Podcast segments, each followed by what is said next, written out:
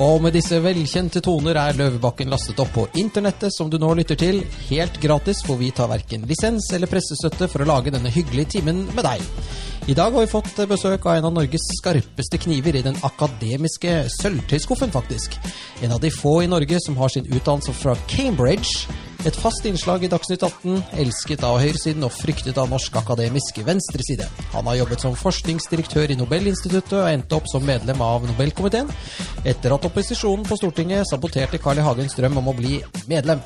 Han har skrevet en rekke bøker, og han er aktuell med en ny bok som avslutter trilogien han har skrevet på. Han har hatt sin egen podkast på NRK. Den ble faktisk så populær at den ble tatt av luften og nevnt Tøye om Norge. Ja, vi snakker selvfølgelig om Asle Tøye, og vi skal litt under huden på han, for hvem er egentlig mannen bak den kjølige og rolige stemmen som setter skapet på plass i de fleste debatter? Ja, Monica, har du møtt din overmann, eller har du møtt din likemann? Det er vanskelig å si. Det får eh, den neste timen eh, vise. Eh, men eh, vi skal vel egentlig snakke mest om boken, fordi eh, den kommer jo nå ut 1.11. på mm -hmm. forlaget Dreyer. Mm -hmm. Hvilket jo er litt skuffende å høre for meg, som er eh, gammel økonomisjef i Det Norske Samlaget. Så tysjer jeg at du skulle ha gitt han ut på nynorsk. Det skulle jeg veldig gjerne ha gjort. Eh, dessverre så er jeg ikke god nok i nynorsk til å kunne skrive en bok på, på, på det målføret. Du kunne fått noen til å om, omsette den for deg, vet du. Det var det jeg skulle gjort. Ja. Nei da, men denne boken din heter 'Gullbrikkespillet' og er, som Mikkel nevnte i innledningen, av det siste bok i en trilogi, hvor den første heter 'Rødt, hvitt og blått'. Og den andre heter Jernburet. Og så har vi da Gullbrikkespillet. Og hva er bakgrunnen for navnet på boken? Hva tilsier det? Gullbrikkespillet kommer fra Vålhusbå. Jeg vet ikke, Har dere lest Vålhusbå? Akkurat det har jeg faktisk gjort. Vålhusbå er jo Hæ? jeg har jo jobba i et nynorskforlag. Ja, okay, okay, men... ja, men ja. Vålesbå er, er, jo vår opprinnelseshistorie fra norrøn tid. Eh, og i Vålesbå så starter diktet med at gudene samles på Idavollen foran eh, Valhall for å spille gullbrikkespillet. Og så bryter verden sammen. Eh, en hane galer over jorden, og så får den svar eh, fra en hane under jorden, og så bryter Ragnarok løs, og gudene dør. Eh, og til slutt i diktet så kommer de siste overlevende blant gudene, bl.a. Hønir, som vi egentlig i Norge bare minnes i navnet Hønefoss. Hønirfoss. Nei, Hønir er, Hønir er den guden som skapte menneskene sammen med Odin.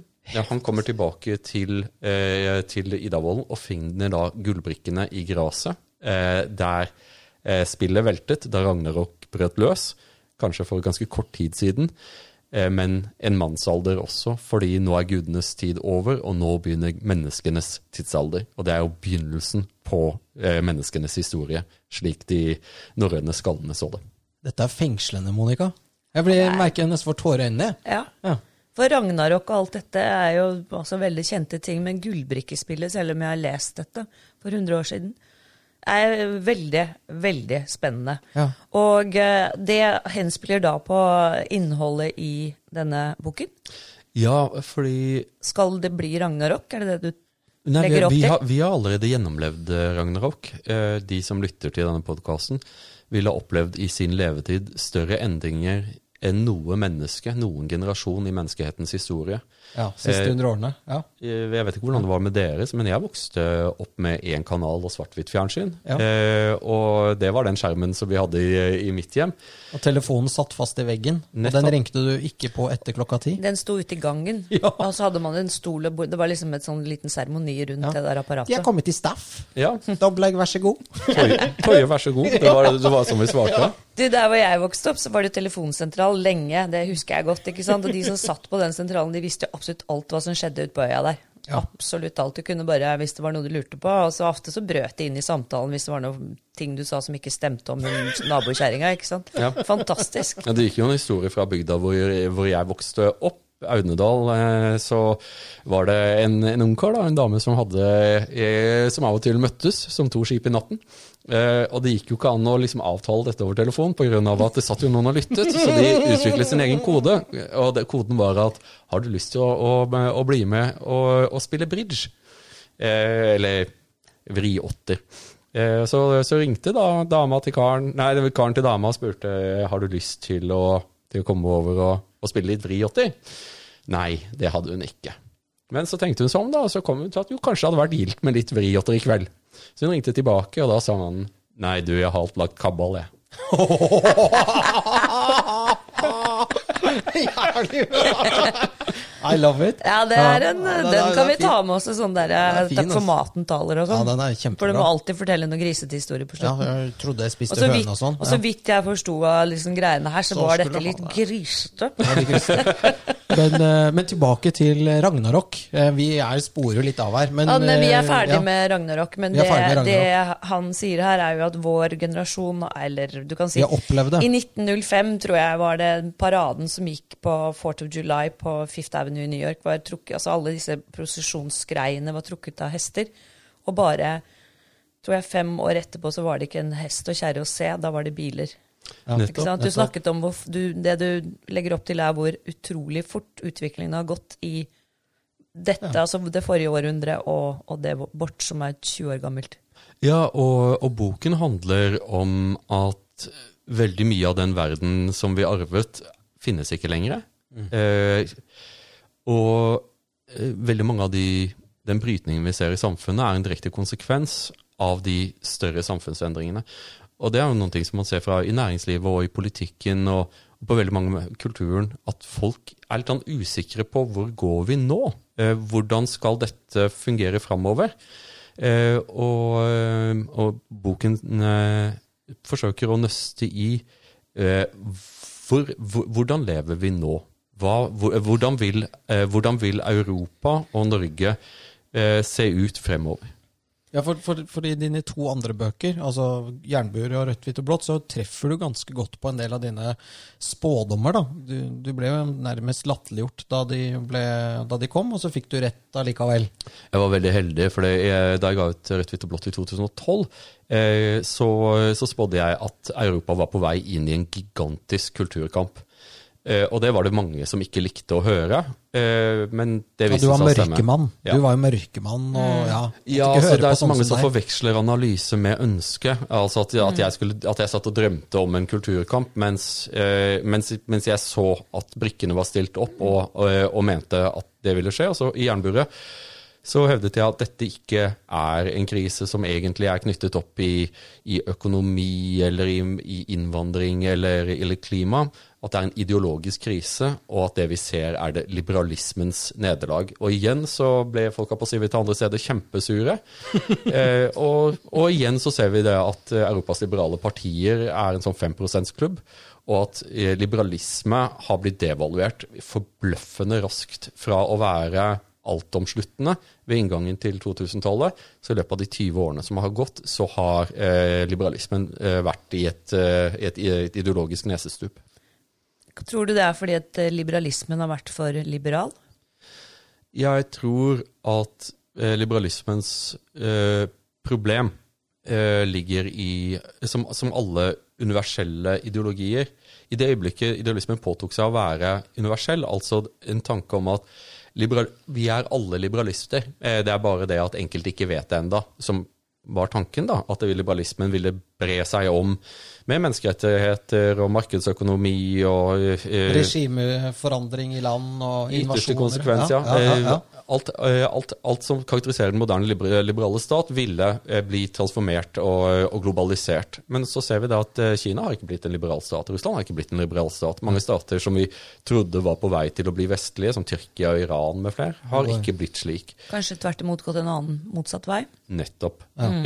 og det har å gjøre med liberalismens krise, og det manifesterer seg også i brexit og i Trump. At folk er ikke, ønsker ikke lenger en ideologi så, hvor eh, en gruppe mennesker eh, som har veldig god tilgang til mediene, og som er mektige, definerer en framtid som egentlig eh, skal gjø- er ment å gjøre verden mer komfortabel for de som er som dem selv, altså privilegerte mennesker med høy utdannelse, som å skape et globalt virkefelt for deres egne kvalifikasjoner, uten å regne på kostnadene det har for alle andre.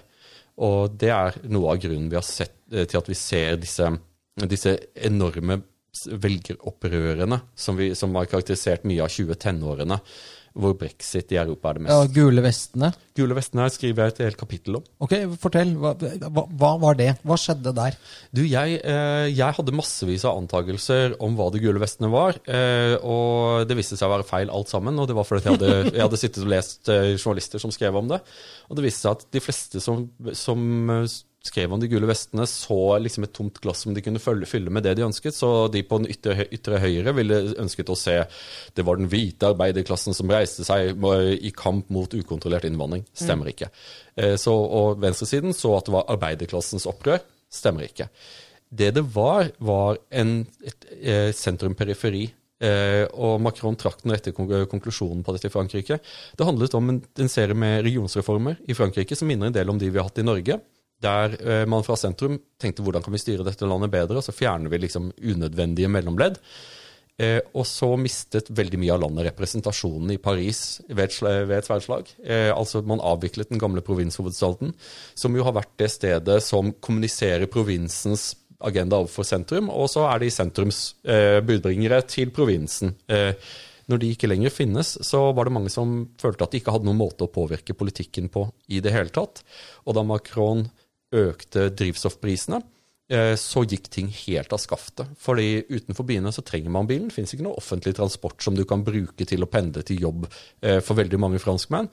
Så når pol- pol- politikeren på den ene siden har sagt at du får jobbe der det er arbeid, veldig sånn liberalt, eh, at du må bare, økonomien er sånn, nei, du må bare jobbe der det jobben er, og så for øvrig så kommer vi til å skatte deg i hjel på drivstoffet du bruker for å pendle 100 km hver vei, og det gjorde folk kjempesure. Det høres jo nesten litt ut som det som skjer i Norge nå. Med Ja, sånn det eh, også- regionreform, eh, det tar kvarter å ringe til lensmannen. Um, altså, ja. Ja, og det- Senterpartiet det- vokser og vokser og vokser. Det er jo grunnen, veldig mye av grunnen til at Senterpartiet vokser. fordi at når man altså Hvis du tror at det å liksom slå sammen to nabokommuner skal være easy-peasy, så aner du ingenting sant, om de underliggende faktorer som gjør at kanskje disse to kommunene aldri har tålt trynet på hverandre. Og så skal man liksom fornekte det menneskelige natur og si at dette skal gå bra, nå skal dere samarbeide. Og så vil man da, fordi at du Sånn som i Oppe i distriktet hvor jeg kommer fra, så vet jeg at naboøya vår, eh, der tror jeg det var 97% som stemte for at de ville slå seg sammen med Aukra kommune, som er min kommune. De som var politikere i kommunen, de bestemte at de skulle slå seg sammen med Molde. Tror du det er god stemning der? Nei, det er ikke det. Det er jo ikke det. Og det Nei, nei. Ikke sant? Og derfor så, derfor så er det akkurat det samme som i, i Norge. Altså den, det derre eh, feilgrepet, mener jeg, som Høyre gjorde der. Altså, vi trenger ikke å snakke om det er smart, og om det er stordriftsfordeler og synergier. Vi snakker ikke om det. Du må snakke om at du må skjønne at Norge er et land hvor geografien, demografien, tilsier at det er ikke bare å sette seg ned og, og liksom tegne på et brett og si at det er smart å slå sammen de og de, fordi du aner ikke hvilke reaksjoner du får. Og akkurat det har jo også litt i USA. ikke sant? Det, så, ja. Eh, Det var bare litt morsomt for at det var strømbrudd i, i, i Viken i forrige uke. Eh, og, og, da, og Viken er så svært at eh, da måtte NRK si altså i Viken fylke, altså det som var Østfold, altså, altså mellom Ski og Sarpsborg altså det, ikke sant? For, for Viken er så svært at det, det er strømbrudd i Viken. Altså hva er det strømbrudd på Geilo eller i, i Halden? ja, men det, det sier jo litt om at folk blir irriterte, da. Ja. Ja, og så tror jeg at uh, lærdommen fra, fra Frankrike er at uh, regjeringen har gitt Senterpartiet stor oppslutning i gave. Macron reverserte faktisk regionsreformen da han så hva slags konsekvenser det hadde for det franske demokratiet. Eh, og, og, og, og er i ferd med å gjenoppbygge nå provinshovedstaden pga. at han ser at provinsene trenger å ha sterkere politisk representasjon, og at det er noe folk er opptatt av. I Norge så, så driver, har vi jo denne disse tåpelige regionsreformene der man får eh, enorme brytninger mellom Finnmark, som er et fylke som er veldig spesielt i norsk sammenheng, og, og det det blir, med, blir slått sammen med Troms, som er et veldig ulikt eh, fylke. Og vi ser jo det også i, i hjembygda mi, Audnedal, har blitt slått sammen med Lyngdal. Som ikke har noe med hverandre å gjøre, fordi Audnedal er en fjellkommune og Lyngdal er en kystkommune. Og sett deg i bilen og kjør 45 minutter på ekstremt svingete veier, så, så kommer du fra Byrmo til, eh, til Lyngdal. Det gjør folk på Byrmo veldig sjelden. Ja. ja, ja, det er to forskjellige verdener, rett Så, så de har fått da en hovedstad som ligger langt unna. Eh, og, eh, og jeg, Jeg, jeg tror ikke at det var en god idé.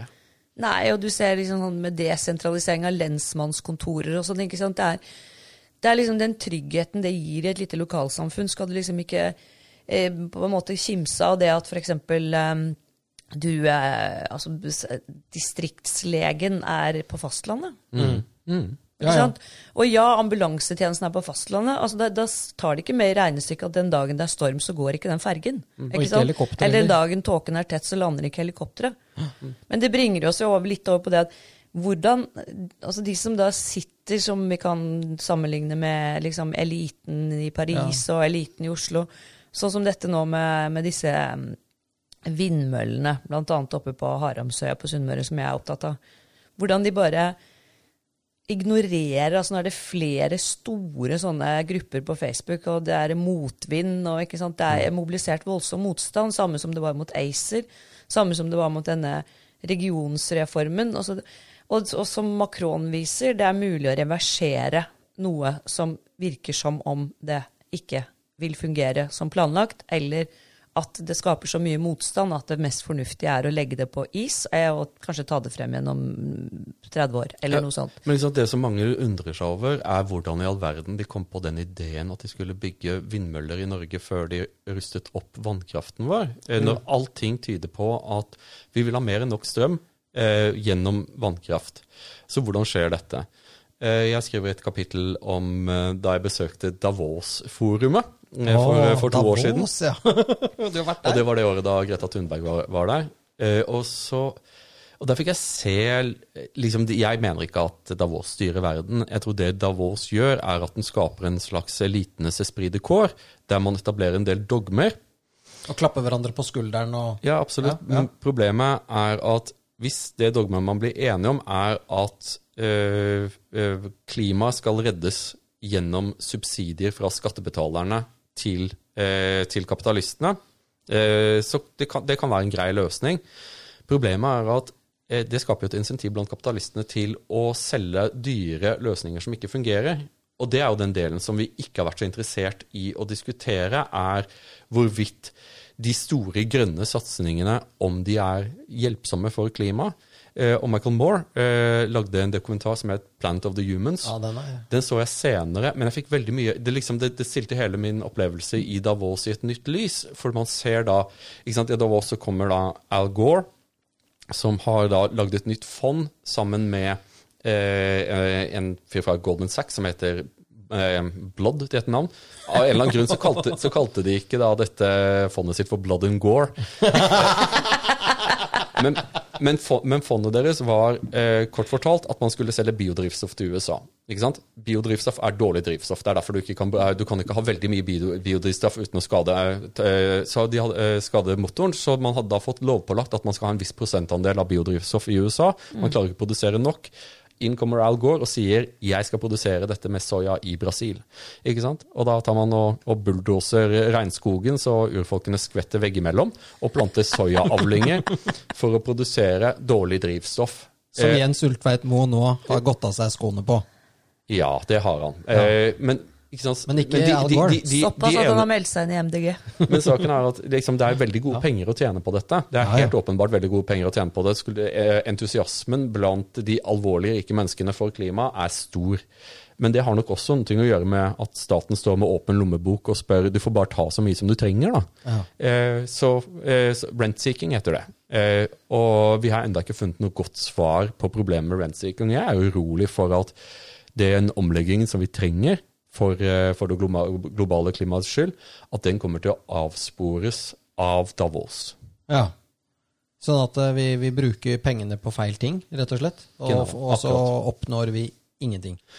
Ja, det, det vi oppnår, og det er de som vil se på dokumentaren til, eh, til Michael Moore, så vil de finne ikke sant, eh, i, I California så investerte man i noen kjempedyre forsøk på solenergi og speil og greier. Kjempedyrt å bygge.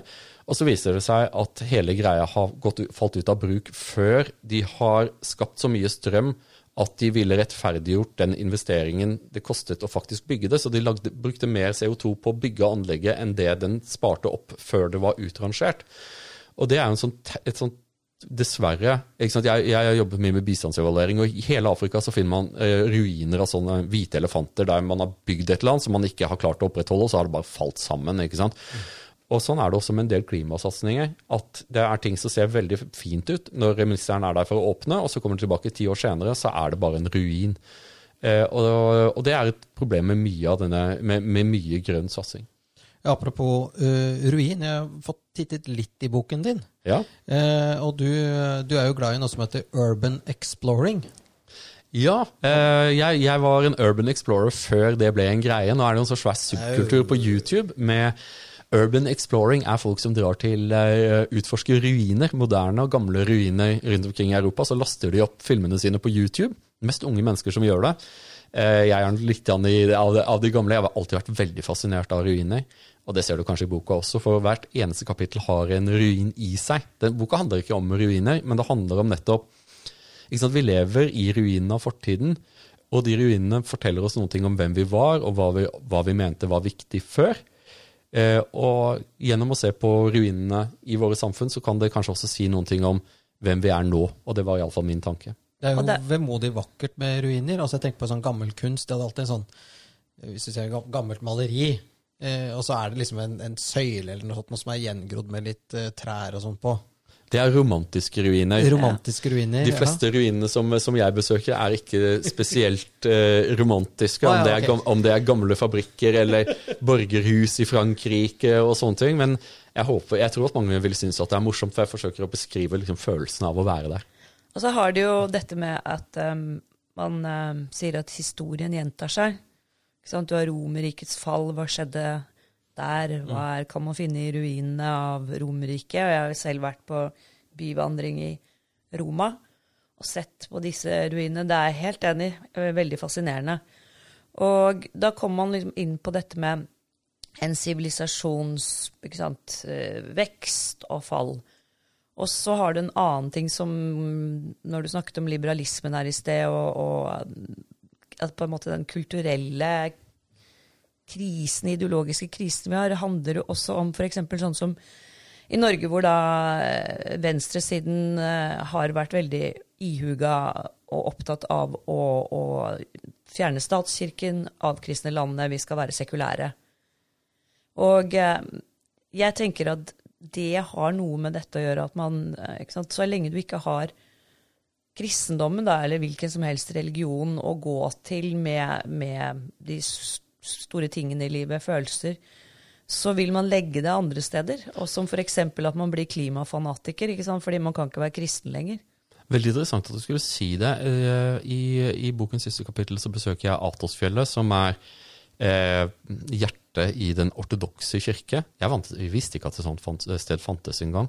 Mm -hmm. Atos er en autonom klosterrepublikk i Hellas, eh, hvor eh, man praktiserer eh, kristendommen eh, på en måte som de selv hevder da, er den samme som Jesus Kristus og de tolv disiplene gjorde. Eh, og Da jeg var på Atos, så tenkte jeg en del over dette.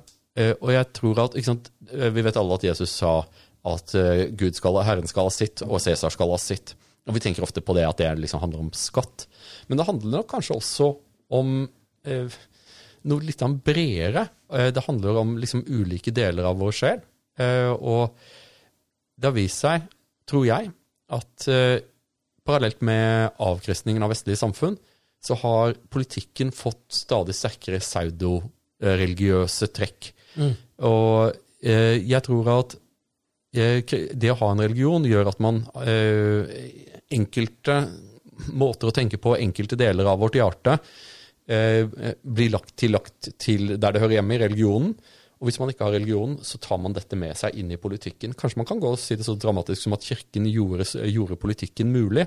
For det vi ser over hele Vesten, er jo at politikken nå går i vranglås i land etter land, hvor det blir, blir det stadig vanskeligere å bli enige om ting. Det er polarisert. Det er sånn ja, skikkelig hardt. Ja, ja. Men, ja. men det er jo på, på grunn av at eh, Fram til slutten av den kalde krigen så var det en enighet om at politikk handlet om interesser, og interesser gjør det mulig for oss å komme til et kompromiss. Jeg har mine interesser, du har dine interesser. La oss finne et punkt hvor disse interessene ivaretas, og så gjør vi kompromiss, og så er vi ferdig med det. Du er rød, jeg er blå. Ja, Sånn vi gjør det i business. Ja, ikke sant? Mm. Men hvis, du vil ha den, jeg vil ha den. Bang, bang, bang. Ferdig. Hvis politikk handler om verdier, ja. så er, eh, er, en, er et kompromiss et annet ord for nederlag. Hva, hva, slags menneske er du, gjør du kompromiss når det gjelder verdier? Og det er Problemet med moderne politikk er at man eh, har en del mennesker som arbeider veldig hardt for å, eh, på, å, kaste opp stadig nye dogmer som man skal forholde oss til. Eh, som du da viser at du er et anstendig menneske. På samme måte som at tidligere tider så var det at man gikk i kirken på søndager. Nå viser du at du tror på, eh, på, eh, på, at, eh, på klimautfordringen. Ja. Eller en lang rekke andre spørsmål der du viser at du er et, et godt menneske gjennom å, å, forholde deg til disse dogmene. Mm. Som, å, som, å, stå frem i pressen og si at du ønsker at vi skal ta absolutt alle fra Moira-leiren til ja, Norge for å hjelpe. For da, da, viser du hjertelag og sinnelag. Da er du snill. Ja. Da er du snill. Og hvis du snakker om uh, hva dette vil koste, da er du slem. Og har du sett den der ja. svenske Jeg elsker alltid å legge ut den uh, når folk begynner med dette, at de skal være så enormt snille på vegne av våre skattepenger og, og vår kultur. Eh, så er det en eh, svensk reporter som er i en eller annen svensk småstad. Og så intervjuer folk på gaten og lurer på om de kunne bare tenke seg å ta en migrant inn i, i sitt hjem. Ja, det skulle man vel gjøre om det var synd om honom. Og, ikke sant? Altså det, alle sier ja. Og så det som er at Han har jo rett bak ryggen på han så står det jo en sånn migrant fra ikke sant, et som, altså, mm. som later som han er nyankommen. da. Ja. Og da blir jo alle bare veldig rare i fjeset. Og ja. 'Nei, det rommet er ikke riktig klart ennå, og min svoger kommer på' liksom. Det er jo så fantastisk å se, for da, da, røper man jo egentlig at man liksom ikke sant, det, det er liksom en utenpåklistret holdning du har, fordi at det er det som du sier, da viser man at man er er ikke det det menneske. som kalles skinnhellighet? Ja, det er, ja. det er jo et element av eh, skinnhellighet. Ja. Men jeg tror at det, dette, uh, dette, munner ut i den situasjonen som vi har nå, at veldig mange politiske partier vet ikke hvor velgerne er, pga. at du har en offentlig diskurs som er blitt så full av dogmer at uh, veldig mange mennesker, uh, ikke dere uh, åpenbart, men veldig mange mennesker bare kvier seg for å gå inn i enkelte debatter pga. at det kommer til å bli så brutalt og det, går, så, det blir så personlig. fordi at, mm. sant, da, da, regjeringen falt, ta et eksempel på det. Sant, så sier statsministeren vi hentet denne fremmedkrigeren pga.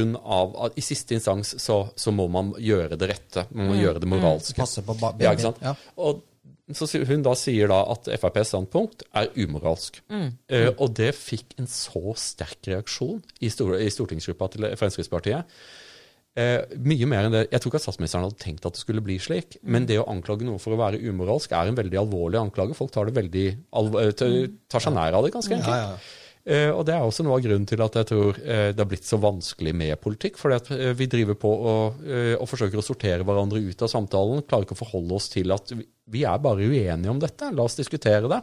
Jeg, jeg, tror at du kommer til å mene det du mener, og jeg kommer til å mene det jeg mener. Mm. Men la oss prate om det. Og komme til så og man blir kjent og forstår den andre standpunktet, men der er vi ikke nå. Er, vi er kommet til et punkt at man skal kaste opp et dogme. Og så forfølger man de som ikke forholder seg til dogme. Og Det skaper ikke en veldig god debatt. Og enda viktigere så putter man den, den linken mellom de styrende og de styrte. For ordskiftet er jo den måten som politikerne mellom de fire årene når det er valg, mm. eh, har en, har en, forståelse av hvor er det befolkningen står i dette. ikke sant? Ser 2015, flyktningkrisen, så får man inntrykk av at hele det norske folk ønsker å egentlig bare å ja. åpne dørene. Ja. Jeg satt og hørte på NRK på høyden av flyktningkrisen i september 20, 2015. og ga, liksom Gang på gang så kommer de tilbake at Norge har våknet. Liksom, det, du kunne høre at de nesten satt og gråt i studio. Hvor fantastisk. Norge har våknet, nå skal dørene slås åpne, og vi skal bare få hundretusener til Norge. Ja, ikke sant? Ja. Dette blir kjempebra. Og det, veld, og, og det var veldig mange som mente det. Problemet var at de viste seg å være et veldig lite mindretall. De var bare veldig overrepresentert i ordskiftet. Ja, og det ser du jo med en gang. Det, disse sakene, sånn som nå sist med det her eh, Moira-leiren, så er det jo en hel rekke kulturpersonligheter. De går ut på eh, sosiale medier og gjør et stort nummer av at eh, 'hent tusen', eller liksom 'hent mm. barna hjem', og alt mulig sånt. Mm. Og da, da, er det også liksom veldig lett å tenke at Og dette mener alle. Men jeg er enig med deg. det er da et, kanskje et veldig, veldig stort mindretall som faktisk syns at dette er en god idé. Og når du da ser på f.eks. det amerikanske samfunnet, da, hvordan, hvor bakpå det kom på det at Trump vant valget mm. i forrige runde Det handlet om akkurat det samme. ikke sant? Fordi at du får et samfunn hvor folk, folk, faktisk ikke tør å si hva de mener, men de mener det allikevel. Og når de får da en anledning som gjennom et valg, og anonymt faktisk ikke sant, stå for det de faktisk mener, så vil jo ikke de som sitter på toppen, ha det minste peiling om hva som faktisk rører seg. Ja, og så Ikke sant. Det er jo helt det, det går fint å stenge en liten minoritet ut av ordskiftet. Eh, Og det finnes eh, mennesker som ikke burde være i ordskiftet. Nazister, rasister. Det finnes enkelte meninger som vi ikke ønsker å og det- Jeg er enig om det. Jeg mener at det bør være veldig få meninger som er, er i den kategorien. Men noen. Men enkelte. Ja. Problemet er at hvordan stenger du meninger som veldig, veldig mange har, ut av ordskiftet? Hva skjer da? Ikke sant? Og, her, og Da ser vi at de tre skandinaviske landene eh, Jeg har skrevet et kapittel om dette også. Okay. Har valgt u Ja. ulike strategier. I, I Danmark så har, eh, så har den nye høyresiden blitt et støtteparti for regjeringen og får gjennomslag på den måten, men de, vil ikke, de, de får ikke komme inn i regjering. I Norge så har Frp og Nå sammenligner jeg ikke Frp, Dansk Folkeparti og Sverigedemokraterna. De er tre ulike er partier, men, men de spiller en lignende rolle. ikke sant? Eh, ble de tatt inn med moderasjon som resultat. Det gikk, gikk veldig greit. Eh, sikkert enkelte som skulle ønske mer Frp-politikk, men det gikk veldig greit for Norge. I Sverige så har man stengt det ute, og det har man gjort i veldig mange land. I Frankrike, i Tyskland og i USA så har, ble liksom Tea-party-bevegelsen skulle liksom ikke tas inn i det republikanske partiet. Men hva skjer da hvis de til slutt vinner et valg? Ja, da er frontene ganske steile. Da er frontene steile, og da får du Trump-problemet. Hva skjer dersom eh, så mange mennesker blir frustrert med de elitene de har, at de velger noen som står på utsiden, og som faktisk gjennomfører den politikken som de gikk til valg på? Eh, og, og vi har jo levd gjennom nå de, i fire år med Trump, og man så jo, har jo sett hvordan reaksjonen har vært på dette. Man, man ville jo få dømt ham fra embetet før han hadde eh, tiltrådt. Og i, Trump har gjort veldig mye rart, men det er jo også åpenbart at etablissementet i USA hele tiden har bekjempet han med nebb og klør på hvert eneste punkt. Det har vært sirkus. Eh, Ja, ja, det- Og er det bra for stykt. USA? Ja, det er, stygt, Det har vært fordi- stygt, men jeg tror også vi må se Det er ikke bra for er det, det der. Nei, men Er det bra måte å styre et land på? Det er, det er åpenbart ikke det. Men det er bedre at, uh, at, at man på en eller annen måte finner en eller annen løsning. Da, at man kommer fram til kompromisser mellom ulike standpunkter. Men USA er ikke der lenger. Og jeg er redd for at mange europeiske land kommer til å gå i samme retning. At demokrati kommer til å bli mer eh, en sånn eh, vin, vinneren tar alt-type demokrati, sånn som vi har sett i Polen. Når høyresiden vinner, så gjennomfører de den politikken så uten, ut, ja. ja, uten, Uten hensyn. hensyn, Bare kjøre til innvendinger, for det var dette vi lovte. ikke sant? Eh, og det sant, skaper da en, en voldsom avmakt mot de mange liberale i disse sam samfunnene, som lurer på hva i all verden, liksom, hvorfor blir ikke vi tatt hensyn til? Eh, og de burde kanskje også se at det var fordi at dere ikke tok hensyn til andre da dere satt ved makten. Da, og slik er det, mener jeg. da. Ja, og det har jo, ikke sant, hvis du ser nå Amerikanerne har i hvert fall det at de er skinnhellige, som vi snakket om i sted. De, kirken står jo sterkt Mm. Hos alle amerikanere, og der er det shame å ikke møte opp i kirken på søndager. Har du blitt medlem i en sånn luthersk evangelisk Nei, jeg er har veldig- ikke det. Er du kristen? Jeg er blitt eh, prest. Nei, altså det er det at de, de Kirken er så mye mer enn Det er også et sted liksom, man møtes, de, de bruker mye tid i kirken. Alle amerikanske liksom, husmødre må donere litt av tiden sin til kirken. Så de har jo liksom i hvert fall beholdt det som holder litt grann ro i rekkene, for å si det sånn. Ja, de er Mens du ser religiøse. på, Ja. ser på da, de som da liksom er langt ute på venstresiden, der blir det Black Life Matters og Antifa og ikke sant. Altså, det blir, jeg tenker at hvis du Du snakket jo om at, at mennesket antageligvis er jeg, det, jeg treffer jo veldig sjelden no, noen som sier at de ikke tror på noen ting. At de tror at det er noe mer enn oss. At det er noe Er det gnostikere, det? ja, at vi er, at vi er religiøse av natur. At det er eh, Altså, i all, alle tider og i alle riker og i alle sivilisasjoner så har det vært en slags dyrkelse av en gud eller noe utenfor oss selv. Da. Og når det forsvinner, så får du den type ting som vokser fram, som f.eks. klimafanatikere, som, som du sier. altså nå er det så, det er, altså Den der gruppen som ble dannet på Facebook, hva var den het igjen? Klimaskeptikerne. Eh, Folkeaksjonen mot klimahysteri? Ja, men Ja. klimaskeptikerne de annonserte jo i, annet i Tønsberg Blad, tror jeg. Helside. Og dette var underskrevet av en eh, hel rekke folk som er ut, naturvitenskapelig utdannet, og det var liksom vel fundert. Og da ble de nektet, altså svartelistet i å annonsere i, i de fleste andre aviser, fordi de vil ikke ha det i avisen engang, at det er noen som kanskje tenker at det dere holder på med her, er ikke helt riktig. Ikke sant? Det blir som å være vantro. Ja, så i, så i dag så, så, så fikk vi et, et, en, ny, en ny omdreining på dette, hvor det har vært en, en artikkel i en redaksjonsdrevet amerikansk avis eh, som kan påvirke valget, pga. at den handler om Joe Biden og hans forhold til eh, barisma, eh, som Hunter Biden eh, tjente på, eh, sønnen hans. Eh, og den gir etterlater et veldig sterkt inntrykk av at sønnen har solgt innflytelse. Han har solgt tilgang til sin far. Eh, og så tar Facebook og, og Twitter og nekter å linke til denne artikkelen, som er fra en avis. Altså at du kan ikke dele den lenken pga. at de ikke liker innholdet i, i artikkelen. Passer dårlig med deres um, Ja, og, da er Dette er farlig. Ja, men da er vi over et helt nytt lende. Eh, For hvis, hvis sosiale medier Vi vet jo alle sammen at algoritmene i sosiale medier favoriserer visse standpunkter. Jeg tror at hvis du ikke tror på det, eh, så har du ikke vært nok på sosiale medier. Nei.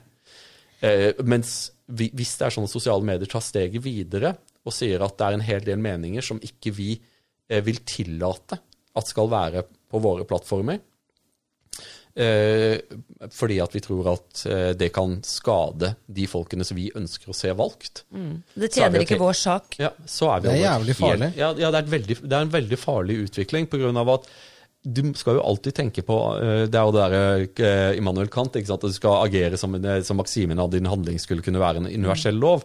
Det betyr jo ganske enkelt at tenk deg om hva hvis de andre gjør det mot deg? Eh, gjør mot andre som du skulle ønske. Det er den Ja. gylne regel, ikke sant? Ja. Ja, et av de ti bud. Ja, la, la oss si nå bare sånn hypotetisk, da. Hvis, Så ja, bare, bare så- kort innpå, hvis Mikkel du- prater mye vås heretter, så er det fordi han akkurat helte seg opp enda en pjolter. Ja. Nei, um, la oss si nå uh, at Trump får vinner med et eh, skred, da. Skikkelig. Landslide. Og så vinner de de mellomvalget. Eh, skikkelig. Og så sier bare plutselig republikanerne at vi bare legger ned Facebook. Altså De bare lager en eller annen lov som bare fjerner Facebook og Twitter. For det er jo det Det blir jo mottrekket. Altså, det, det er den polariseringen Nå Hva skal vi vi gjøre mot dere som dere gjorde mot oss. Ja, som vi det er, det, sier. det, det er jævlig farlig det Facebook gjør, og Twitter gjør, ved å øh, ikke la øh, Washington Post, var det ikke det, som hadde laget en sak? Nei, det var ikke, det var ikke Washington det Post, jeg tror det var The Washington Examiner. Eller Et noe eller annet sånt. sånt. Ja. Men, men, men, men poenget var at øh, ja, da, da vil jo det skje med dem igjen, da. Det vil, altså, så det der øh, vil Ja. gå ganske hardt for seg nå, altså. Også problemet i, i Demokratiet fungerer ikke hvis man skal ha en overdommer som eh, i, før vi har hatt debatten, konkluderer om hva som er den rette meningen å ha.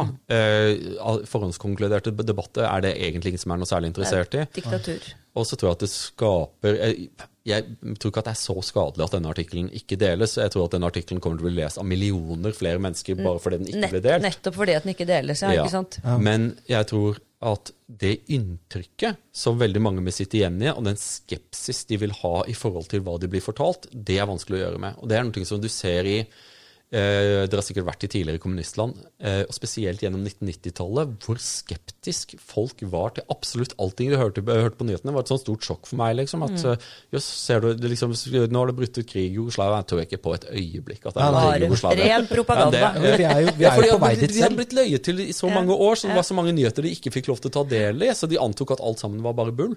Mens, eh, og det, Det, det er jo faren, ikke sant? Ja. Og det Altså tilbake til å bli, bli løyet til, eller altså disse som som da ikke tør å ytre hva de egentlig mener, og som da når de kommer til valgurnene stemmer på Trump. ikke sant? Det er jo da eh, Jeg så et program i forkant av for, Jeg husker jeg ikke om det var forkant eller etterkant, i hvert fall om white trash. Altså disse amerikanske menneskene som bor i trailerparker og kjører fire timer eh, til jobb og fire timer fra jobb, fra å ha, og til å ha da en kveldsjobb for å holde For å få endene til å møtes.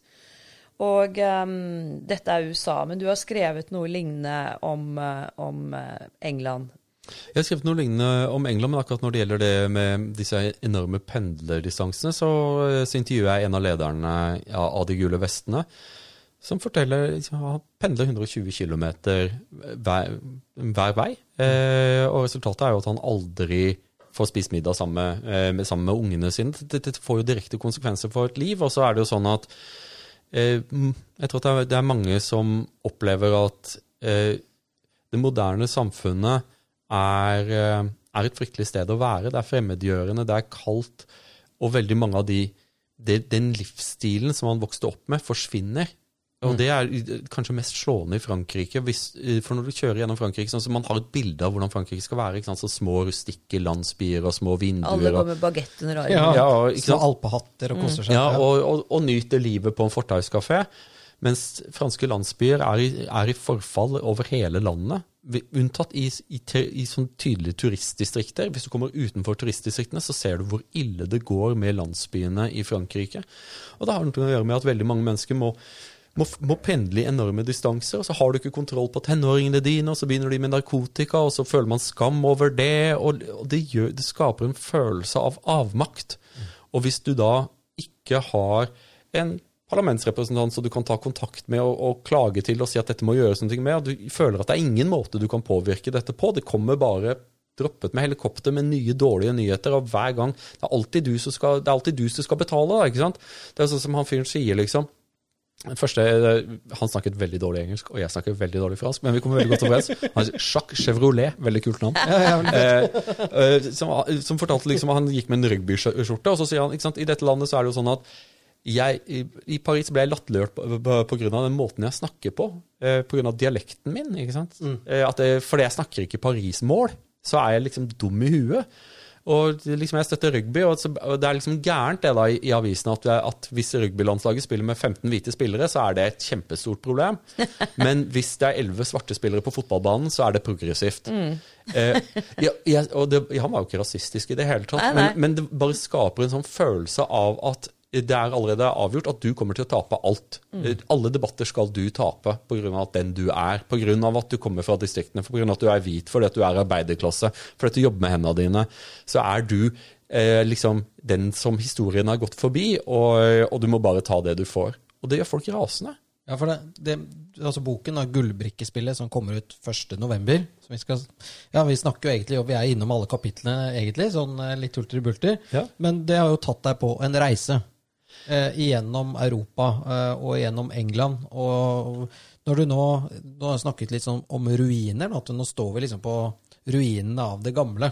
Eh, eh, hva ja, Rotherham, hva, hva skjedde der? Og hva er det ruin, altså hva er det du ser komme? Og hva kan en løsning være? Ja, jeg, Vi nevnte dette med, med, med ruiner. Rotherham er et sånt, er et sånt prydeksempel på postindustrielle britiske byer. Rotherham, eh, Jeg ble opptatt av Rotherham pga. at jeg studerte i Cambridge. Yeah. He's from Oh, Cambridge. He's so posh. Very posh. Så hadde jeg en foreleser som het uh, Clive Treblecock, som, Tribe Troublecock. Som uh, Er ikke det flott navn? Troublecock. Nei, nå var det Mr. nå, Toye, could you please go to Mr. Troublecock? Uh, ja, Siden han ikke er dick til fornavn. Liksom. Nei, Dick Troublecock. Sorry, altså. Unnskyld. Ja. Han, sagt. Clive Treblecock er en av de store økonomiske historikerne. og et veldig stolt eh, Bærer av sitt navn.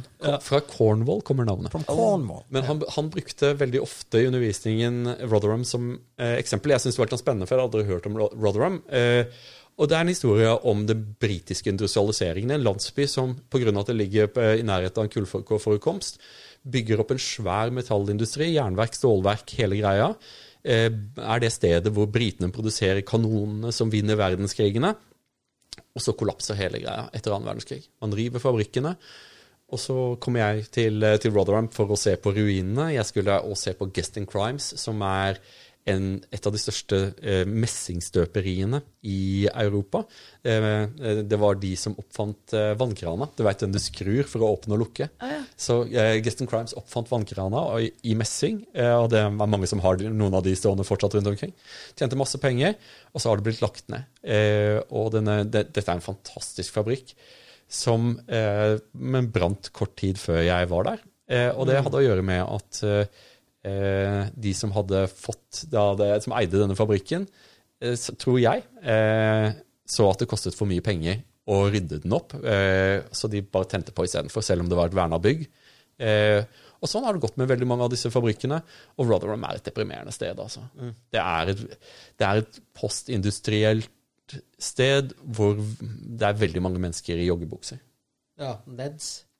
Mye Neds non-educated delinquents er jo det. Deplorables. Ja, dummies. Ja. ja. Uh, og, og jeg, jeg dro dit for å se på ruinene av den revolus eh, industrielle revolusjonen, men i Rotherham så kommer man ikke unna den saken som er den første som dukker opp. Hvis man taster inn Rotherham i Google, så kommer den store sexskandalen opp. Eh, for i årene mellom 2007 og 2013 så ble flere hundre unge jenter, eh, hvite jenter fra, fra arbeiderklassen, utsatt for veldig stygge seksuelle overgrep eh, fra den pakistanske minoriteten i byen. Og Mm. dette Dette prøvde de å dekke over. Det ble dekket over, og Det er det som kalles grooming-skandalen, ikke sant? dette er Ja. grooming-skandalen. Og, og eh, jeg må, må si at dette er noe av det verste jeg har skrevet. For jeg måtte, jo, jeg måtte jo snakke med mange mennesker som var i nærheten av dette, ofre, og, og leste en del bø bøker av de som overlevde. Og det er, det er helt forferdelig. Og Saken var jo det at man hadde da pakistanske drosjesjåfører som hang rundt barneskolene og ungdomsskolene og plukket med seg jenter som da ble traktert med gaver, oppmerksomhet. Ofte kom de fra hjem som ikke visste hvordan de skulle håndtere rebelske tenåringer, ikke mye kulturell kapital og den type ting. Eh, og mange av disse eh, jentene opp, eh, endte opp med å bli, bli leid ut som barneprostituerte i det, nei, vestasiatiske miljøet. Og dette pågikk. Det kom masse anmeldelser, kom masse rykter. Byen ville ikke gjøre noe med det, pga. at de ville ikke utfordre et Labour-stemmende mindretall. De var redd for at dette ville gi vann på mølla til rasister og og anti, antimuslimer, så de bare, de bare gjorde ingenting med det. Og så er det, så er det da en journalist, en, en av disse fantastiske journalistene, til- som heter Andrew Norfolk, som var korrespondent for avisa The Times, som blåste taket av dette. Uh, og resultatet var en av de største uh, skandalene i britisk historie, vil jeg si. Uh, hvor, hvor man begynte å avdekke skalaen av dette, og det var en, en kjempestor skala. Og grunnen var at dette her var mennesker som staten ikke var så veldig opptatt av. Politiet likte dem ikke. Dette var engelsk arbeiderklasse. Eh, og, og, og, det, og dette fikk, fikk fortsette pga. en mangel på sympati blant de som hersket. Og, dette, det er også noe av grunnen til at det fikk en så voldsom eh, sprengkraft da det ble, eh, da det ble offentlig. Mm. Det er jo eh, Parallellen blir ikke helt lik. Eh, Den blir kanskje ikke lik i det hele tatt, men Jan Bøhler han har jo eh, hoppet over gjerdet, holdt jeg på å si. Han har jo byttet parti. Og han jo, snakker jo veldig mye om Groruddalen og de problemene Nå er det ikke grooming som er problemet i Groruddalen, men han forlater partiet sitt, for han føler at partiet han representerer, på en måte har forlatt han, kanskje? Altså Er det det vi ser her nå? En, en type At uh, den politiske overklassen i Norge er ikke jorda til det som skjer på, på gateplan, da? Nei, det, mm, jeg tenker som så at Ja. de ikke sant, norsk det norske Arbeiderpartiet, når de var liksom på høyden Det ble jo på en måte Hele dette er jo en resultat av fagbevegelsen og dette at vi hadde husmenn i Norge, og at de ville det eh, For lønn og Ja, Ja, de det ville føydalsystemet til livs, ikke sant? Og så går tiden, og så får de, altså sitter de jo med, med makten eh, i, i Norge veldig lenge, Arbeiderpartiet.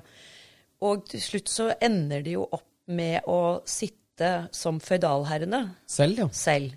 Men da ser de ikke noe problem med det i det hele tatt. For i transformasjonen fra at det var arbeiderklasse, så har de nå liksom, liksom gjort en klassereise, ikke sant. Og nå er de alle sammen utdannet akademikere fra Blindern. Og sitter og tror at de representerer eh, arbeidere og det som var liksom DNA-et til Arbeiderpartiet. Men de sitter selv og ser ned på disse som du snakker om. Og de ser ned på de som jobber. De ser ned på de som jobber. Altså, og de det er stemmer sånn- Frp. Ja, fordi det, og de, de er dumme. Altså litt sånn som Hillary Clinton kaller disse som da altså over 50% av amerikanere er deplorables. Ja. Ja, men I hennes øyne. det har- det sier jo litt om hvilket menneske hun er. ja, men det handler også om dogmer. ikke sant? Det handler om at eh, venstresiden av 90-tallet har tatt inn en del dogmer som viser seg å bli veldig problematiske i sånne tilfeller som dette. Fordi dogmet var at hvite er privilegerte. Kun hvite er i stand til å være rasistiske. Eh, og eh, de sanne ofrene er de som er mørke i huden og har en annen religion, for de er minoriteter. Eh, og så har man utviklet en På mange måter så blir de jo også ofre for, for sin egen, sine egne kamptaktikker. ikke sant? På grunn av at hvis det er slik at man skal stemple alle man er uenig med om spørsmål som vedrører innvandring på noen som helst måte, som rasister, så blir det jo vanskelig å ta debatter som må tas. Eh, Parlamentsrepresentanten for Rotherham, Rotherham er en, er en Labour-by. Hun forsøkte å nøste i dette, for hun fikk jo rapporter om at det var noe forferdelig som foregikk i hjembyen. Og så ble hun anklaget av en av disse NGO-ene for rasisme, og så bøyde hun av. For ingen, ja. ingen anstendige mennesker ønsker å bli anklaget for rasisme. Dette gir seg jo så paradoksale utslag som eh, i, i, i, boka så intervjuer jeg Trevor Phillips, som er en god venn av meg. Trevor Phillips er sort. Eh, han er eh, engelskmann av karibisk her, herkomst. Tidligere eh, ordførerkandidat for Labour i mm. London. Veldig dynamisk. Eh, han eh, gjorde da den store feilen å påpeke det som er faktuelt sant, og det er at den mest utsatte gruppen i absolutt, eh, absolutte og relative termer i Storbritannia er hvit engelsk arbeiderklasse. Det er de som har det verst.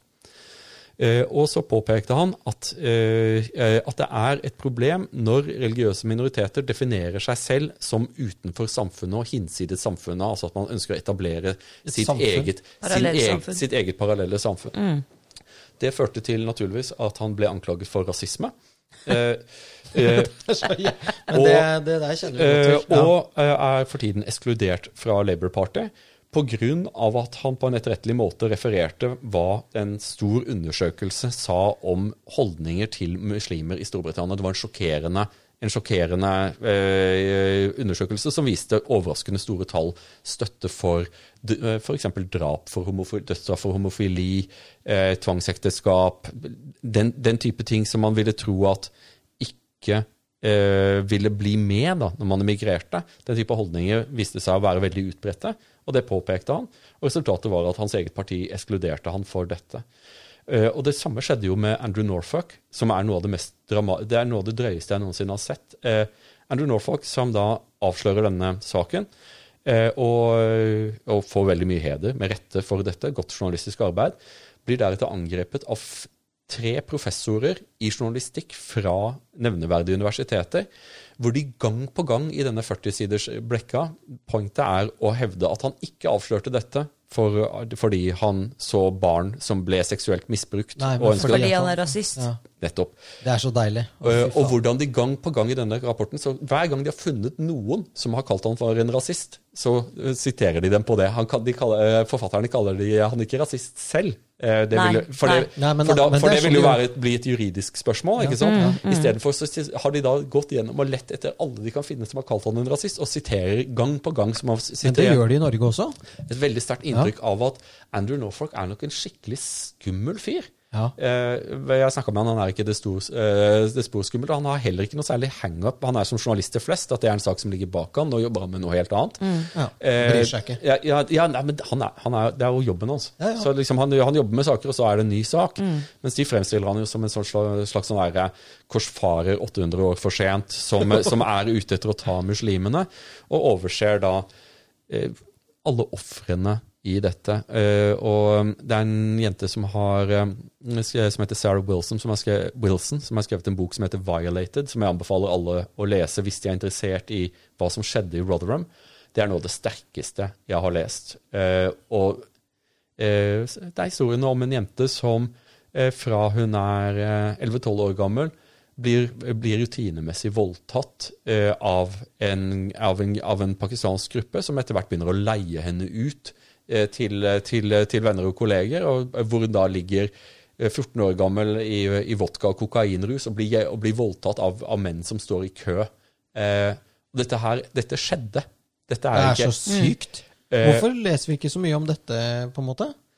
Nei, men det, Trump Phillips sier jo noen ting om dette. for Han, er, han, han var jo av den oppfatning at dette må vi diskutere. Eh, han, er, han, er, en god politiker og anser at dette her er noe som vi ikke kan skyve under teppet. Men det var mange som ønsket å skyve dette under teppet. Eh, og det hadde jo også noe å gjøre med at høyreekstreme dro jo til Rotherham med en klar agenda for å skape splid mellom uh, ulike uh, hudfarger og, og, alt hva rasister driver på med. Mm, mm. Og det førte til at alle andre ville bare ligge unna så, så mye mm. som overhodet mulig. Mm. Men det er da altså den villigheten til å overse overgrep som ble gjort mot disse hvite jentene, og i det hele tatt å overse det at det er da den klassen de representerer i samfunnet, eh, er de som har det verst i, i, eh, i England eller i Storbritannia. Det er jo litt av det samme også i USA. ikke sant? Disse her menneskene som bor i disse trailerparkene og som ikke er verdt noe. Eh, og deres liv, som du sier, som er en endeløs kanskje la landevei i bilen, og de ser aldri familien sin. altså Det går, blir bare verre og verre. Og da kommer vi jo til valget av Trump, som vi snakket om. Og så kommer vi til denne andre saken, store saken, som har forferdet eh, en del av disse menneskene som eh, kanskje er på den siden der, da. Ja, det er brexit. Ja, og det som, eh, det som jeg fant, og det overrasket meg en del, er at Rotherham viser seg da å bli eh, den valgkretsen i Storbritannia. er Én av tre, det kommer an på hvordan du regner på det, men iallfall den største, eh, den viktigste, eller den største eh, valgkretsen som stemte veldig klart pro brexit. Eh, og jeg tror at det ligger noen ting her. Eh, for at Rotherham er Labour-land, og og Labour var, eh, var for å forbli i EU. Velgerne fulgte dem ikke i det hele tatt.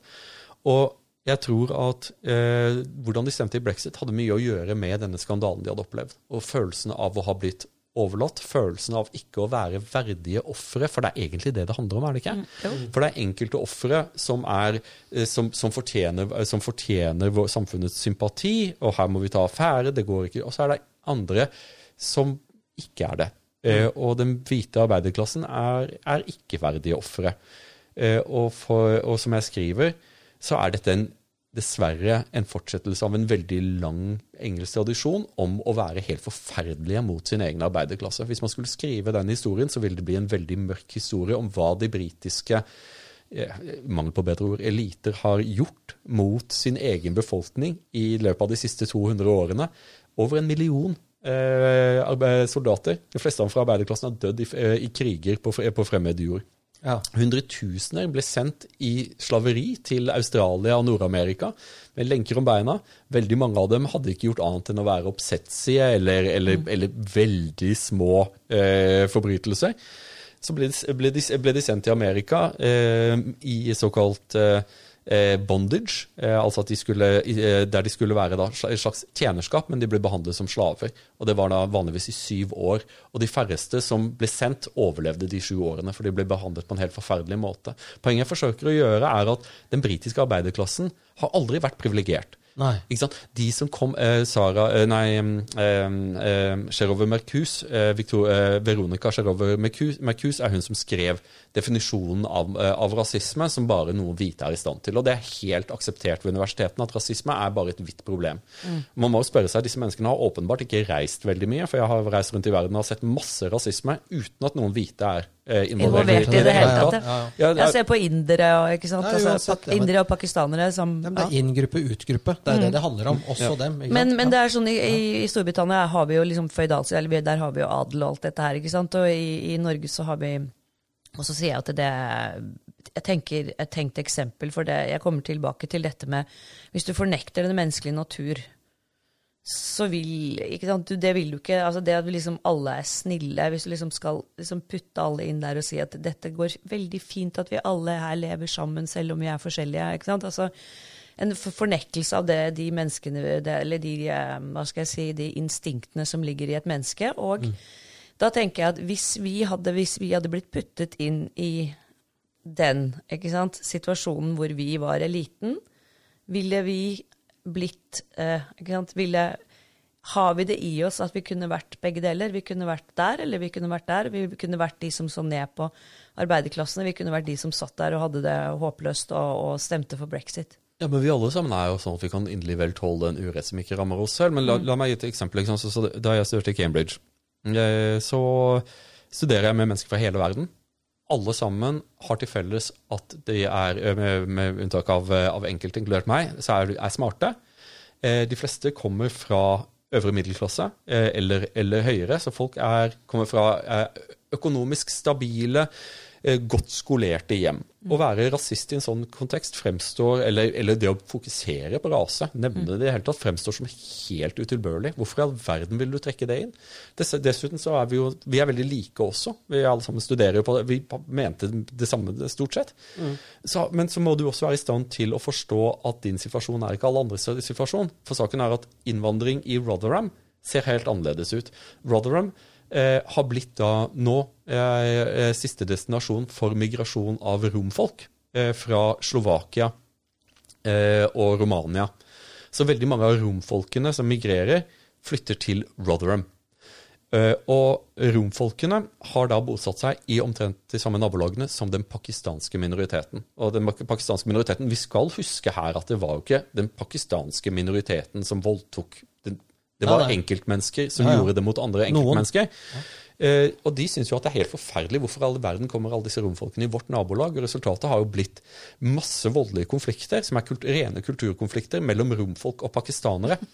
I England. Ja, men, ikke sant? Ja, ja, det er helt saken er- Ja. ja, men det det kan jo ikke være rasisme, for det er jo ingen hvite involvert. ikke sant? Nei. Men saken, og det er jo hvilke, hvilke innvandrere får du, eh, og hvordan påvirker det ditt liv? Jeg kan love deg at eh, de fleste som er veldig antirasistiske, sender barna sine på skoler som er nesten helt hvite. Ja. Eh, For det er så veldig mye lettere å være antirasist i den situasjonen, eller at du sender på internasjonal skole.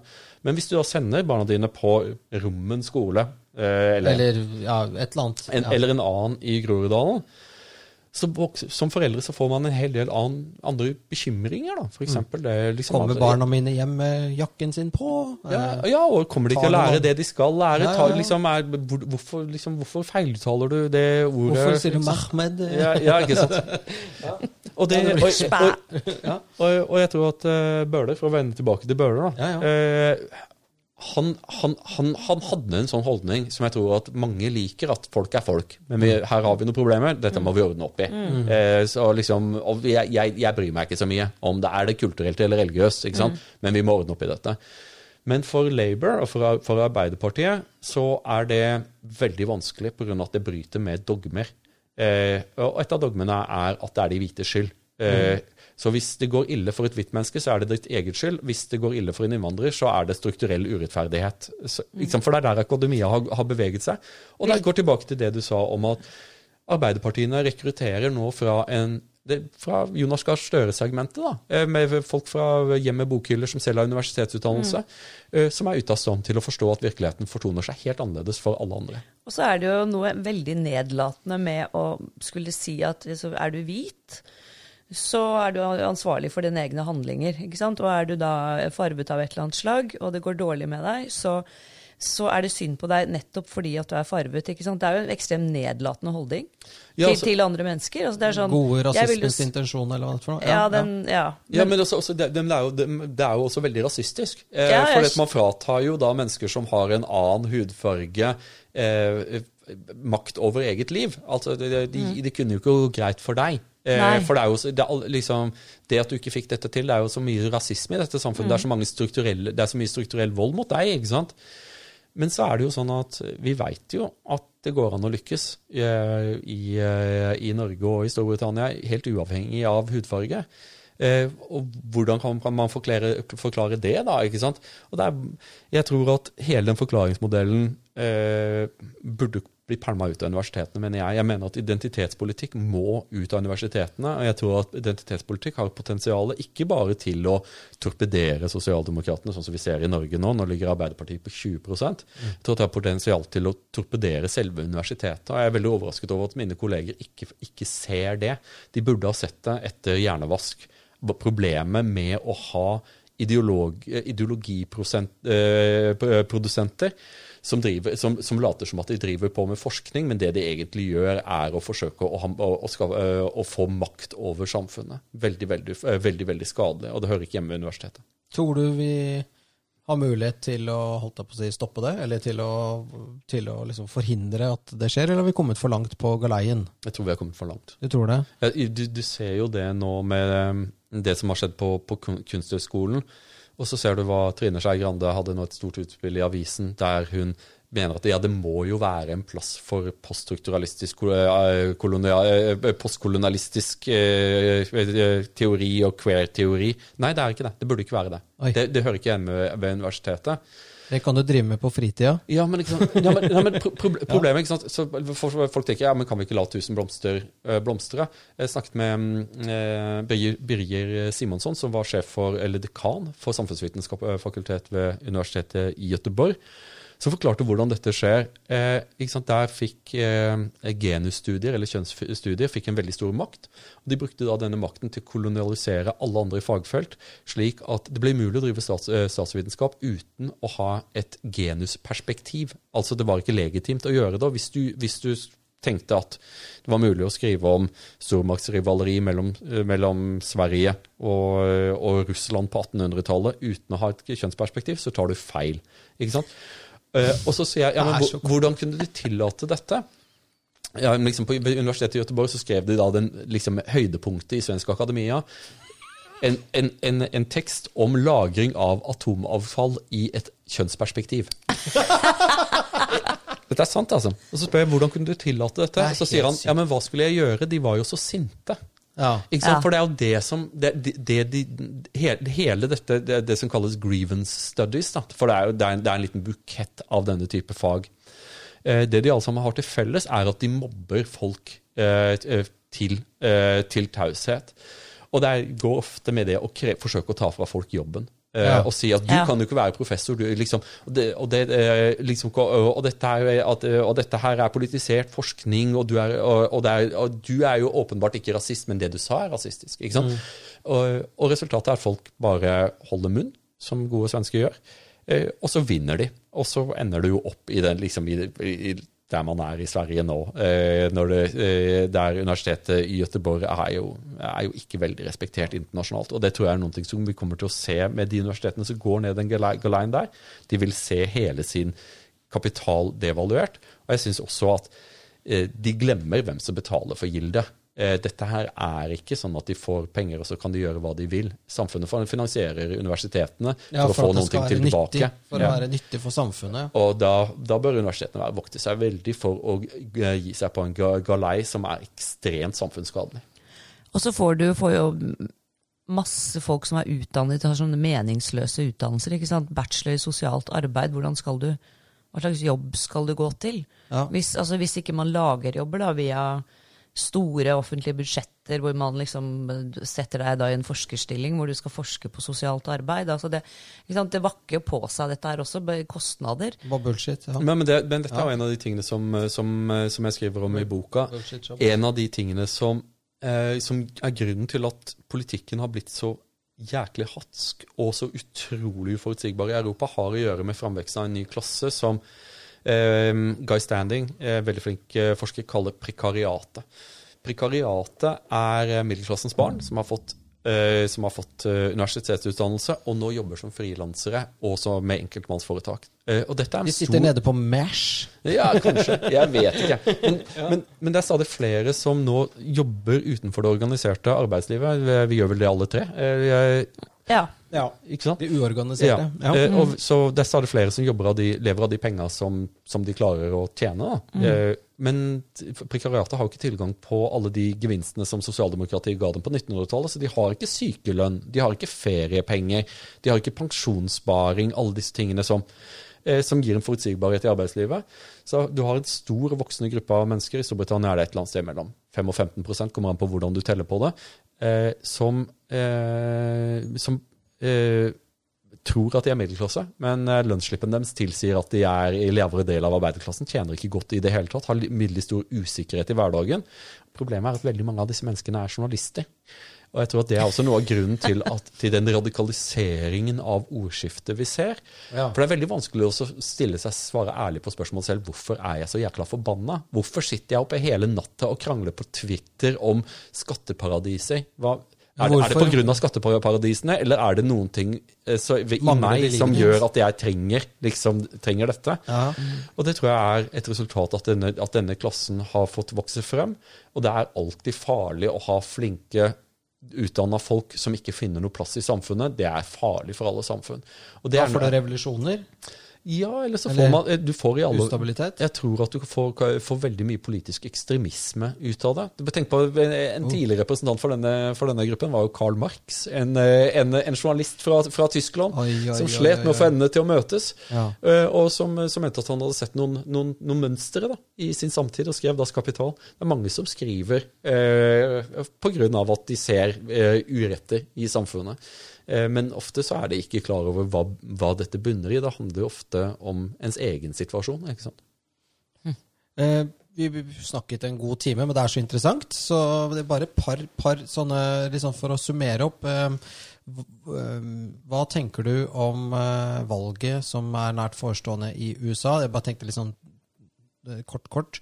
Og så litt om hva ser du for deg eh, i Norge? Altså om, om det er noe Om vi kan liksom konkludere eh, raskt eller eh, enkelt på hvor dette toget bærer. da. Hva tenker du om Trump, og hva som skjer med valget?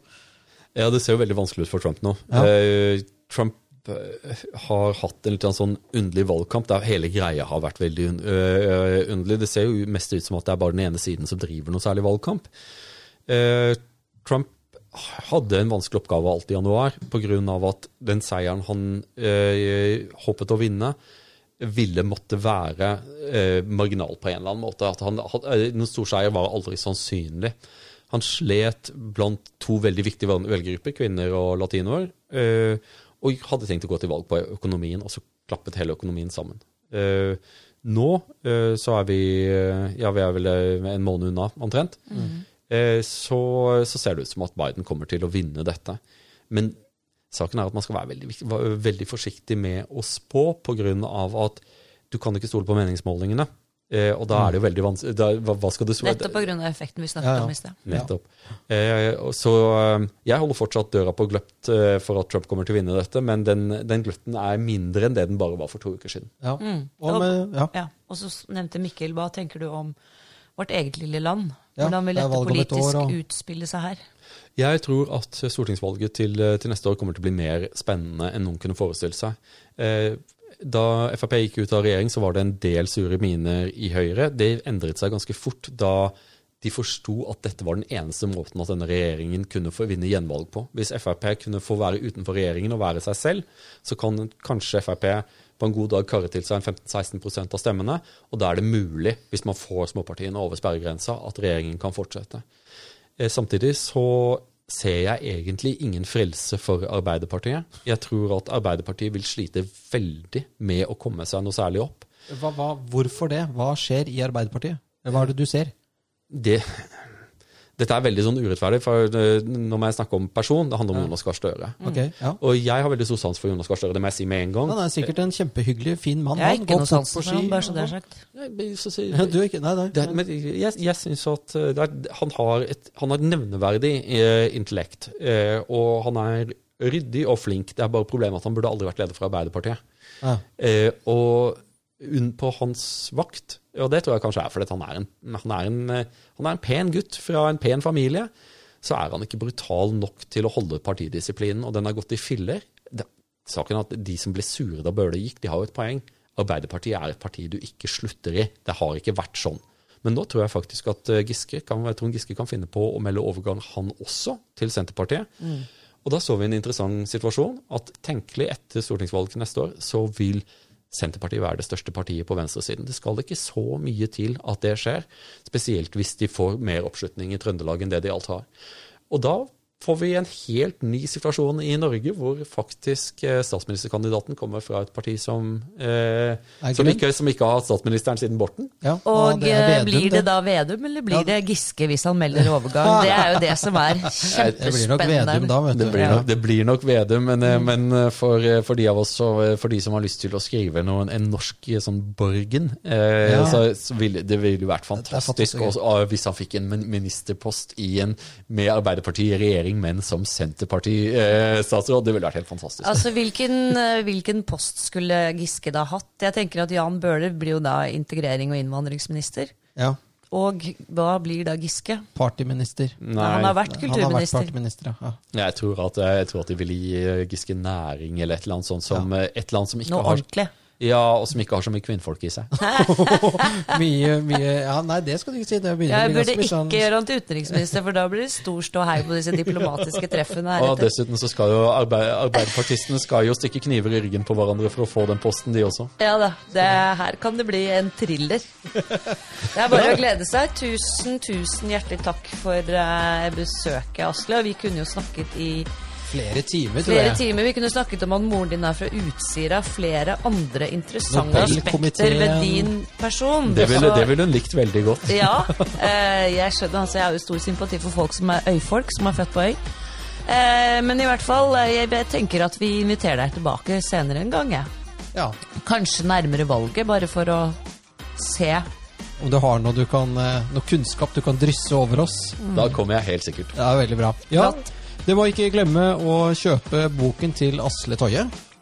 Gullbrettbrikkespillet. Nei, gullbrikkespillet. Ja. Fra Voluspa. Voluspa. eh, og den kommer i butikken, holdt jeg på å si, 1. november. 1. november. 1. november. Ute Ja. på Dreyer forlag. Ja, da skal vi legge ut link vi, på, på podkasten vår. Ja, Absolutt. Veldig bra. Ja, er det noe siste Du har 30 sekunder igjen. Eh, Er det noe du har lyst til å si til oss?